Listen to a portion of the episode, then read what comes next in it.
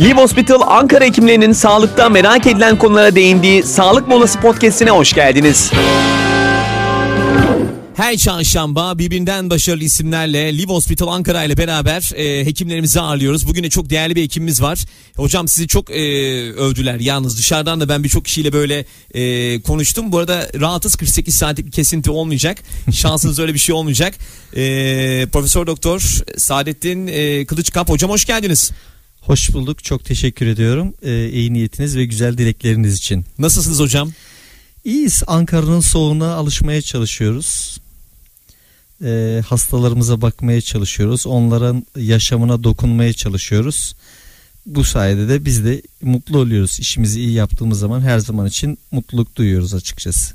Hocam birazcık şeye girelim böyle ya. Yani bugün de aslında önemli bir gün. Ee, oradan bir girelim. Ee, konuya da başlamak istiyorum ben. Çünkü e, herkesin çok merak ettiği sorular var. O soruları birazdan hep beraber konuşacağız. Kanserde hocam öncelikle erken tanının önemini bir anlatır mısınız? Kanserde erken tanı çok önemli. Ee, her zaman tüm sosyal platformda da vurgulandığını görüyoruz. Çünkü bir kişi ne kadar erken dönemde yani hastalık başka bir organa yayılmadan veya çevre dokulara e, temas etmeden yakalanabilir ise bu hastaların tamamen kanserden kurtulabilme şansları var. Tamamen hastalıktan ömür boyu kurtulabilme şansları var.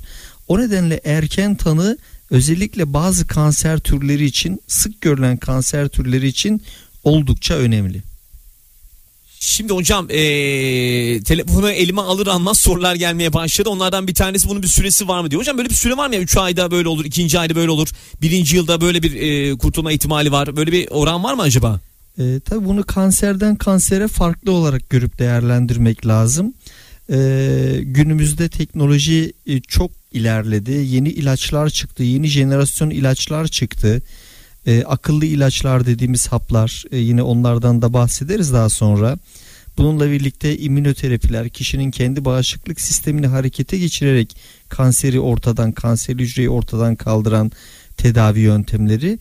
Ben çok ümitliyim. Yakın zamanda e, tüm kanserler için olmasa da bazı kanserler için e, güneşin ardında çok ciddi anlamda umut var, ışık var ve biz bu hastalığı yeneceğiz inşallah. Tam da e, bunu soracaktım hocam. Yani şeyi çok merak ediyorum ben. Böyle hani e, tam anlamıyla bitti, e, kurtulduk e, şeyi şu anda var mı? O teknoloji var mı yani? Tabii bazı kanser türleri için var. Ee, örneğin testis kanserleri e, metastaz yapmış olsa bile bu hastalıklarda tamamen kür sağlayabilmek günümüzde mümkün. Bununla birlikte yine e, erken dönemde yakalanmış bağırsak tümörleri, meme kanseri tamamıyla kür sağlayabilmek mümkün. Bazı lenfomalar hatta lösemiler herkesin çok korktuğu lösemilerde bile o kadar çok yenilikler gerçekleşti ki son yıllarda bu hastalıklarda artık kür sağlayabilmek oldukça mümkün. Yani e, diğer hastalıkların da darısı başına diyelim e, bütün hastalıkları inşallah kür edebilecek bir seviyeye getireceğiz yakında. Şimdi hocam e, radyosunu yeni açanlar için biz bir kez daha hatırlatalım çünkü sorular gelmeye başladı. Ben de soruları kaçırmak istemiyorum. Çok fazla soru geliyor. Radyosunu yeni açanlar yine her çarşamba olduğu gibi bir klasiği gerçekleştiriyoruz. Ankara e, tabii ki Live Hospital hekimleri bizlerle birlikte oluyor ve şu anda da e, stüdyoda konuğumuz Profesör Doktor Saadettin Kılıçkap. E, aslında hocam e, akciğer kanseri ve e, hmm. önemli bir gün. Akciğer kanseri e, bugün e, farkındalık günü ve şunu merak ediyorum. Bununla ilgili acaba son gelişmeler nedir? Ne boyutta e, neye geldik? E, vaktin varsa bu konuyla ilgili uzun uzadıya uzun, biraz konuşmak uzun isterim. Uzun uzun hocam buyurun Çünkü sizindir. Akciğer kanseri e, erkeklerde e, hem dünyada hem ülkemizde en sık görülen hem de en sık ölüme sebep olan kanser. Ve maalesef son zamanlarda şunu görüyoruz. Bu kanser sadece çok fazla sigara içmiş insanlarda değil artık sigara içmeyenlerde de sıkça görülmeye başlandı. Çok önemli bir konuyu dinleyelim. Bununla birlikte bir önemli noktada normalde kanser hep ileri yaşta gözükür. Yani 50 e, yaş ve üzerinde oldukça sıktır ama akciğer kanserinin bazı türleri artık çok genç yaşlarda görülebiliyor. 20'li 30'lu yaşlarda görülebiliyor. E, ve üstelik sigara içmemiş genç kadınlarda görülebiliyor. Yine kadınlarda sıklığı en çok artan kanserlerden bir tanesi. Bunun birçok sebebi var tabii ki. Bence en önemli dikkat edilmesi gereken noktalardan bir tanesi bu. Çünkü farkındalık ayı olması münasebetiyle biz gerçekten akciğer kanserinin semptomlarını tanıyabilirsek sigara içmiyorum bende akciğer kanseri olmaz düşüncesine kapılmayalım. Mutlaka ve mutlaka hekim kontrolü yapmamız gerekir. Bununla birlikte tanıda birçok e, yenilikler oldu. Biz çok daha hızlı bir şekilde e, PET denilen yöntemlerle evreleme yapıp hastaları doğrudan cerrahiye verebiliyoruz. Ama bence en önemli, en vurucu nokta akciğer kanserinde tedavide olan gelişmelerdi. Bundan 10 sene öncesinde akciğer kanserinde adeta bir kaplumbağanın yürüdüğü gibi tedavi e, gelişmeleri söz konusuydu. Çok fazla elimizde seçenek yoktu. Ama bugün son model bir araba gibi çok hızlı, çok yeni ilaçlar gelişti ve belki de akciğer kanserinin hepsinde değil ama bazı türlerinde artık çok çok uzun süreli metastaz yapmış bir hastada 10 yıl ve üzeri sağ kalım sonuçları elde etmeye başladık. Bence bu oldukça önemli. Şimdi hocam çok fazla soru geliyor. Ben de ara ara sizi böleceğim özür diliyorum. Ee, bu soruları da tabii ki yanıtlamak gerekiyor. Biraz önce siz kontrolden bahsetmişsiniz. Bir dinleyicimiz e, Selin Hanım şöyle yazmış. E, bu kontroller kaç yılda ya da ayda bir yapılmalı diye. Tabii e, akciğer kanseriyle ilgili taramadan bahsediyorsak eğer bu özellikle bir grup için yapılıyor. E, yakın zamana kadar 30 paket yıl sigara içmiş veya 55 ve 55 yaş üzerindeki kişilere tarama önerilirken şu anda artık sigara içme miktarı 20 paket yıla tarama da 50'li yaşlara çekilmeye başlandı. Ama akciğer kanserinin dışında da diğer kanserlerde yine çok sık görülen meme kanseri gibi kolorektal kanser gibi yani bağırsak kanseri gibi rahim ağzı kanseri gibi bazı kanser türlerinde de taramalar yapılıyor. Erken tanı koymak mümkün. Örneğin meme kanserinde 40 yaşın üzerinde mamografi denilen tetkikle erken tanı koyabilme şansımız var. Her 2 yılda bir 40 yaşın üzerindeki her sağlıklı birey her sağlıklı birey taranması öneriliyor. Bununla birlikte kolorektal kanserlerde geçen yıla kadar 50 yaş ve üzerindeki her erkek ve kadına kolonoskopi yapılması önerilirken bu sene kılavuzlar bunu 40 yaşına kadar geri çektiler.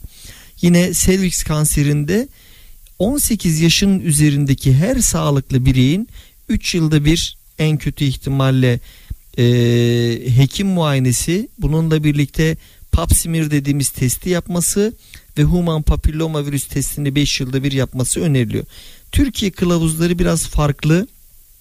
Türkiye'de sadece meme kanseri, bağırsak kanseri ve rahim ağzı kanseri için erken tanı ve tarama testleri öneriliyor. Bunların prosedürleri de biraz farklı.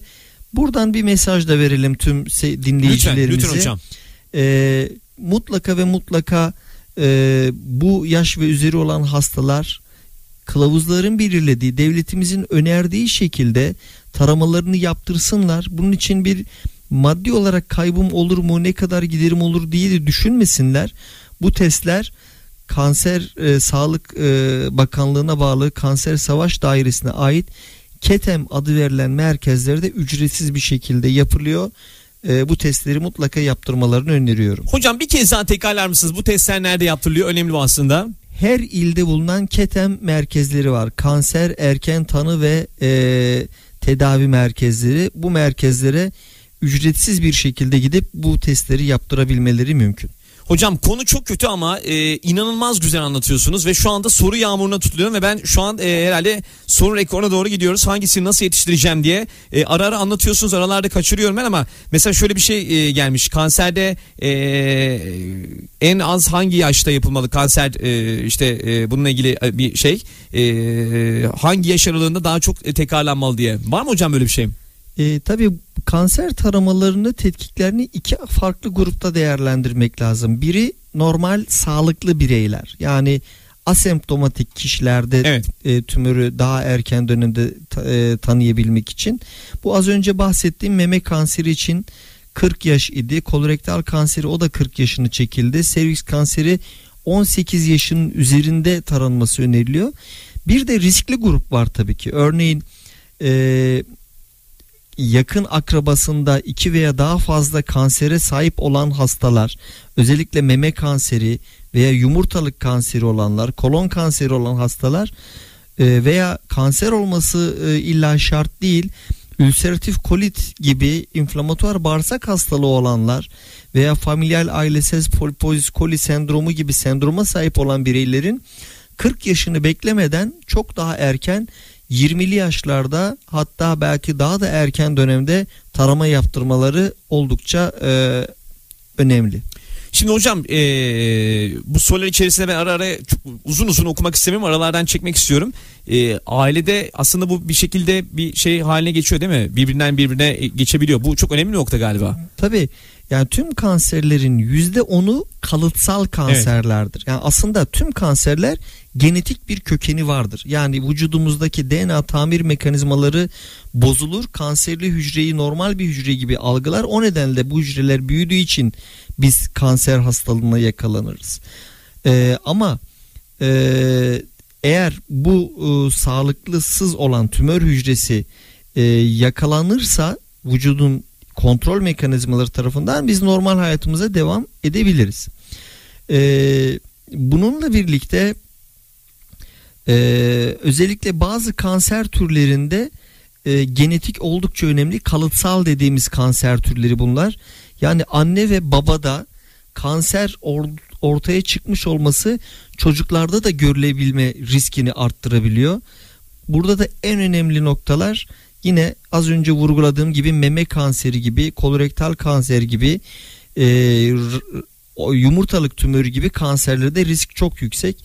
Örneğin BRCA1 ve BRCA2 mutasyonu varlığında e, bu mutasyona sahip olanların %70'i hayatı boyunca meme veya yumurtalık kanserine yakalanabiliyor. Angelina Jolie hepiniz bilirsiniz Evet. en güzel örneğidir. Evet doğru söylüyorsunuz hocam. Hocam Funda'nın bir sorusu var. E, dinleyicilerin bana kızmasın diye şu an soru yağmuruna tutuluyorum. O kadar güzel anlatıyorsunuz ki e, kanser yaşının düştüğüyle alakalı aslında biz de bunu konuşacaktık.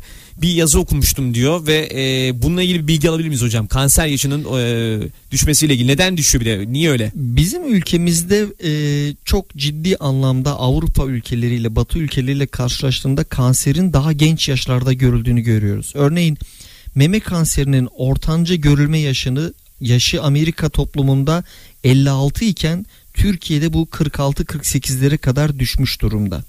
Yine diğer bazı kanser türlerinde özellikle belirgin bir şekilde daha genç yaşta olduğumuzu görüyoruz.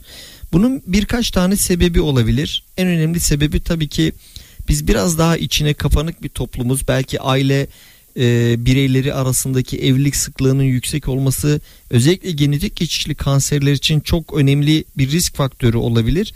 Bununla birlikte tabii ki beslenme alışkanlığımız ve çevresel faktörlerin de etkisi unutulmamalı. Her birey kendisini farklı olarak değerlendirip bana bir şey olmaz düşüncesinden çıkıp gerektiğinde veya semptom herhangi bir semptom olduğunda nedir bu semptomlar? Örneğin açıklanamayan kilo kaybı, ağızdan kan gelmesi, makattan kan gelmesi veya e, vücudumuzda herhangi bir yerde ortaya çıkan şişlikler, geçmeyen öksürük, geçmeyen ve devam eden şiddetli ağrılar kanserin belirtisi olabilir. Bu semptomları olan kişilerin mutlaka hekime başvurmaları e, özellikle önemli. Hocam aklınıza kalan böyle hikayeler var mı? Ya şunları yaşamıştık, şöyle oldu. Bizimle paylaşabileceğiniz böyle özel anlarınız var mı? E, tabii hazır genç yaş ve kadınlarda akciğer kanseri sıklığı artıyor derken o konuda bir örnek vermek isterim. E, ismini vermem çok doğru Evet. olmaz E, ama gerçekten çok tatlı bir bayan E, 29 yaşında geldiğinde metastatik akciğer kanseriydi bundan 3 sene öncesinde. E, daha yeni küçük bir çocuğu olmuş E, bir yandan kendisini düşünürken bir yandan çocuklarını düşünüyor. Gerçekten kanser hastalarının evet. evet yani psikolojisi de çok çok farklı oluyor. Ee, biz bu hastada sigara içmemesi, kadın olması nedeniyle bu akıllı ilaçlar için uygun olabilir mi diye taradık. Şu anda rutin olarak yaptığımız bir e, Evet. tetkik ve ALK dediğimiz akciğer kanserinin e, bir alt tipi pozitif oldu. E, pozitif çıktı. ALK mutasyonu çıktı. Ve biz bu hastayı kemoterapiyle değil ALK mutasyonuna yönelik olan e, bir ilaçla yine ilacın ismini vermeyelim reklama girer. Bir ilaçla tedavi ettik. Ve metastatik olan bu hasta hayattan ümidini kesmiş artık çocuklarımla kaç ay geçirebilirim diye düşünen bu hasta şu anda tam remisyonda yani hastalık tamamen ortadan kalkmış bir şekilde 3 ayda bir kontrollerine gelen ve şu anda vücutta herhangi bir kanser bulgusu olmayan bir hastamız ve kendisinde sosyal medyada çok sık görüyorum. Hayata bağlı, sürekli saç rengini boyayarak Oh, böyle güzel. mesaj vermeye çalışan, ailesine daha sıkı sıkıya bağlanan bir hanımefendi. Onun o yaşama bağlanması ve yaşama sevinci benim birçok hastaya gerçekten bunu anlatarak onların da hayatlarını değiştirmeme sebebiyet verdi. Moral de çok önemli değil mi hocam? Kesinlikle ve kesinlikle öyle olmalı. Ben hastalarımla böyle esprili bir şekilde konuşmayı çok severim. Morali bozuk olan hastalara hep şunu söylüyorum. Kötüye bir şey olmaz, iyi de Allah korur. Her iki durumda da biz şanslıyız derim. Evet.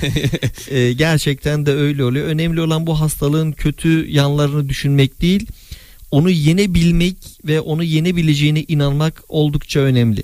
Hocam çok güzel anlattınız. Konu kötü de olsa gerçekten de bizi çok güzel bilgilendirdiniz. Hatta biraz önce de ben arkadaşlarıma işaret ettim. Şu an şeye yetişemiyoruz yani. Burada bir soru patlaması var. Bu konu önemli bir konu aslında. Hatta e, önümüzdeki günlerde bu konuyu tekrar ele alırsak ben çok mutlu olurum. Ayrı programda e, önemli bir konu güzel bilgiler verdiniz. Ankara Live Hospital e, Profesör Doktor e, Saadettin e, Kılıçkalp. Hocam var mı ekleyeceğiniz bir şey? Ben bütün dinleyicilerime başta kanser olmak üzere bütün hastalıklardan uzak kalmaları ve sağlıklı bir sağlıklı ve mutlu bir yaşam geçirmelerini dinliyorum.